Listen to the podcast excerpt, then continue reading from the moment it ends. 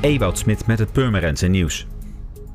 Op de snelweg A7 bij Purmerend zal vanaf vrijdagavond 21 juni gedurende vier weekenden sprake zijn van verkeershinder.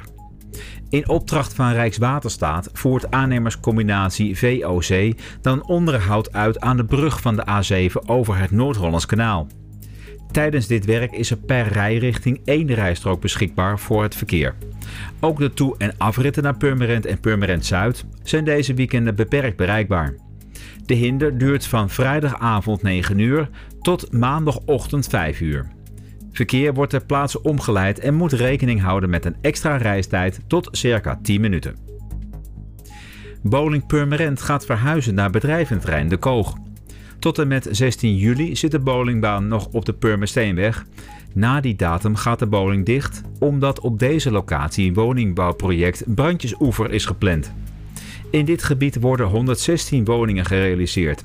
Het plan bestaat uit zowel koopwoningen als sociale huurwoningen, variërend van eensgezinswoningen tot appartementen. Wanneer de bowlingbaan opengaat op de nieuwe locatie is nog niet bekend. Op 21 en 22 juni wordt de eerste stop van de Solar Sport One zonnebootrace gehouden in Purmerend en de Beemster. Net als vorig jaar zal het duurzame waterevenement neerstrijken op de kanaalkade in Purmerend. De races zullen worden gehouden in de Kom en door de Beemster.